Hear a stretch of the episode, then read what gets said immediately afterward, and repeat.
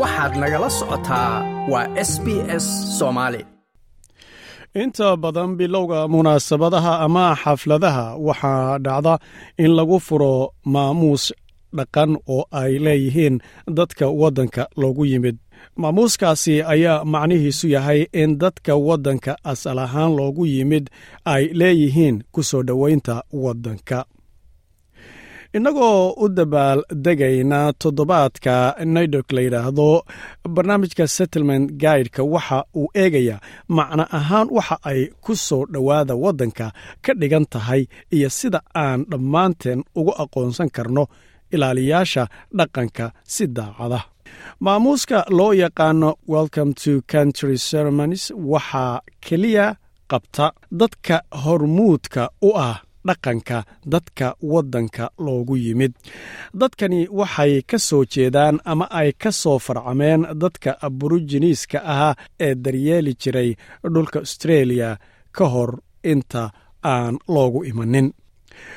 Roda roberts waa waayeelka mulkiilayaasha dhulka s b s tu ay qayb ka deggan tahay waxay curisay ereyga ku soo dhowaada waddanka ee la isticmaalo sannadihii kun sagaal boqol siddeetamaadkii waxayna gacan ka geysatay horumarinta hababka casriga ah ee lagu bixiyo soo dhoweynta. Iyadoo hadlaysana waxa ay tiri.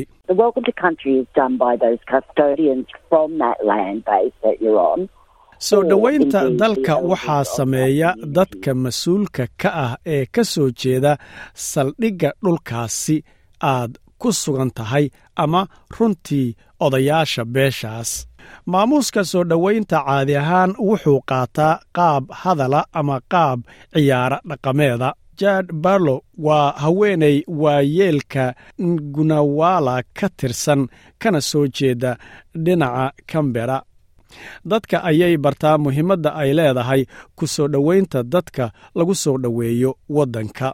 Waxa ayna tiri Being welcome to country means that you are talking to your spiritual ancestors and you're saying, just let this person come through. We trust that they're not going to do any harm on this country, so do not harm them. So for me, the significance of being welcome to country is about ensuring your spiritual safety. When I walk onto another First Nations country, I in lagu soo dhoweeyo dadka waxay la macno tahay inaad la hadlayso awowyaashaada ruuxiga ah oo aad leedahay keliya qofkan u oggolaada inuu soo galo. Waxaan ku kalsoonnahay inaysan wax dhibaato ah u geysanaynin dalka ee ha u geysanina iyaga wax dhiba marka aniga muhiimadda lagugu soo dhowaynayo waddanka waxa ay ku saabsan tahay xaqiijinta badbaadadaada ruuxiga ah. Markaan u socdo degaan kale oo dadka waddanka loogu yimid waxaan filanayaa in la isoo dhoweeyo si aan u dareemo in arwaaxdu ay iigu niyosan yihiin in aan halkaas joogo. Sababtoo ah weli way nala joogaan ayay tidhi. Dadkii dhintay waxay ku jiraan bay tidhi. Xayawaanka waxay ku jiraan geedaha ayay tidhi. Sida ay aaminsan tahay. Macnaha welcome to country waxay ka dhigan tahay aragtiyo kala duwan. Mararka qaar waxaa lagu magacaabaa dhulka biyaha iyo cirka balse waxay wada koobaysaa aragtida qoyska iyo xidhiidhka nidaamku wuxuu yahay in qof kasta uusan ku soo dhoweyn karin dhulka. Keliya soo dhoweynta waxaa gudan kara dadka iyagu dhaqan ahaan u deggan ama iska leh dhulkaasi ahna dadka weliba iyagu waaweyn ee waayeelka ah. Inta badan dadkaas waa la yaqaanaa oo waa dad loo aqoonsaday lahaanshaha dhulkaasi. Haddii aynan ahayn dad la yaqaano waxaa jira siyaabo badan oo lagu heli kara dadka iyagu dhulkaasi iska leh ee mutay in ay soo dhoweynta sameeyaan.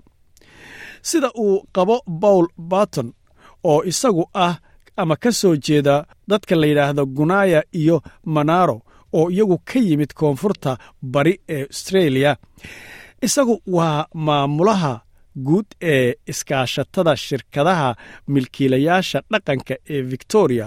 Wuxuu yidhi dhinacyada qaar ee austreeliya dadka dhaqan ahaan dhulka iska leh waa la yaqaanaa kuwa aan la aqoonin waxay u baahan tahay si loo aqoonsado dhulkaasi dadka leh inaad baadhitaan samayso si gaara haddaan si rasmiya dadkaasi loo aqoonsanin wuxuuna yidhi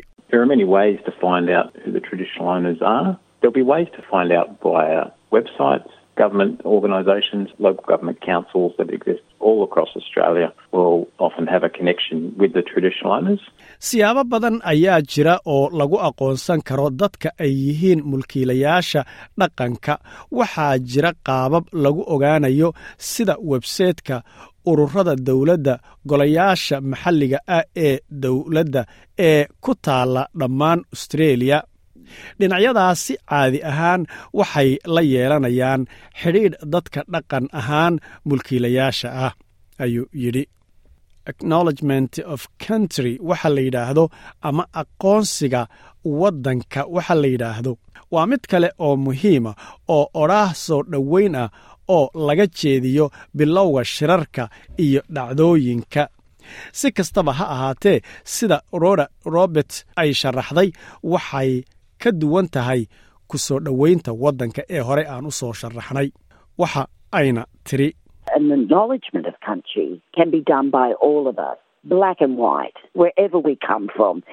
It's us showing that we have an awareness of the land and respect for it, and that we're visiting someone ictiraafka dhulka waxaa samayn kara qof kasta oo inaga mida caddaan iyo madow meel kasta oo aan ka soo jeedno ayay tiri waa innaga oo muujinayna in dhulka aannu ka warhayno oo aannu ixtiraamno isla markaana aannu booqanayno dhul qof kaleeta leeyahay. Marka qirashadu waa garawshiyo inaad ka shaqaynayso ama ku nooshahay meel aan ahayn meesha aad ka timid.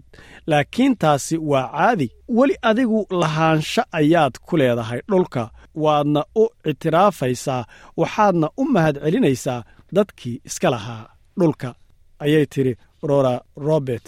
Haddaba ma jiro qaab go'an ama dhigan oo ku soo dhoweynta waddanka ama ictiraafidda waddanka loo sameeyo balse waxaa jira qaabab la isticmaalo oo inta badan la adeegsado. Balse waa inaad ku baraarugsanaataa mar kasta inaad ku dartaa dhulka aad shirka ku qabsanayso adoo isticmaalaya magaca dhaqanka. Waana inaad magacowdaa dadka dhaqanka ee dhulka iska leh kuwii dhintay kuwa nool iyo kuwa iman doona. Hadday dhacdo in dadka iskale dhulka aad munaasabadda ku qabsanayso in aysan si rasmiya loo haynin markaas waxaa muhiim ah inaad aqoonsi ama ictiraaf guud samayso. Sababtoo ah mararka qaar waxaa dhici kara in kooxa ama qabiilo kala duwan ay sheeganayaan dhulkaasi ugu dambaynta sida keri lee hardin sheegayo waa in qofku maadaama australia ku nool yahay ayna tahay dadka aborijinaalka ah inuu xushmad siiyo qofku waa in aad samaysaa iskuna daydaa inaad aqoonsigaasi samayso. Hal marna ha noqdee iyadoo hadlaysana waxa ay tiri. Go ahead and be positive and do an acknowledgement of country as it's one positive thing I think we should all be doing to pay our respects ku dhaqaaq qof saafiyana noqo sameena ictiraafka waddanka taasoo ah arrin habboon. Waxaan filayaa inay tahay in dhammaanteen aan tixgelin siino dadka mulkiilayaasha maxalliga ee dhulka mar walbaba waxa aad ogaanaysaa meel kasta oo aad joogto dhul kasta oo aad ku shaqaynayso ama aad ku nooshahay in ay asal ahaan u leeyihiin dad ka soo jeeda dadka asalka ah ee indigeneska ee waddanka loogu yimid. Inaad u ictiraaftana ay tahay in aad aqoonsato dadkaasi inay yihiin dadka iyagu dhulkan iska lahaa ma doonaysaa sheekooyinkan oo kale ka dhegayso apple podcast google podcast spotify ama meel kasta oo aad podcastigaaga ka hesho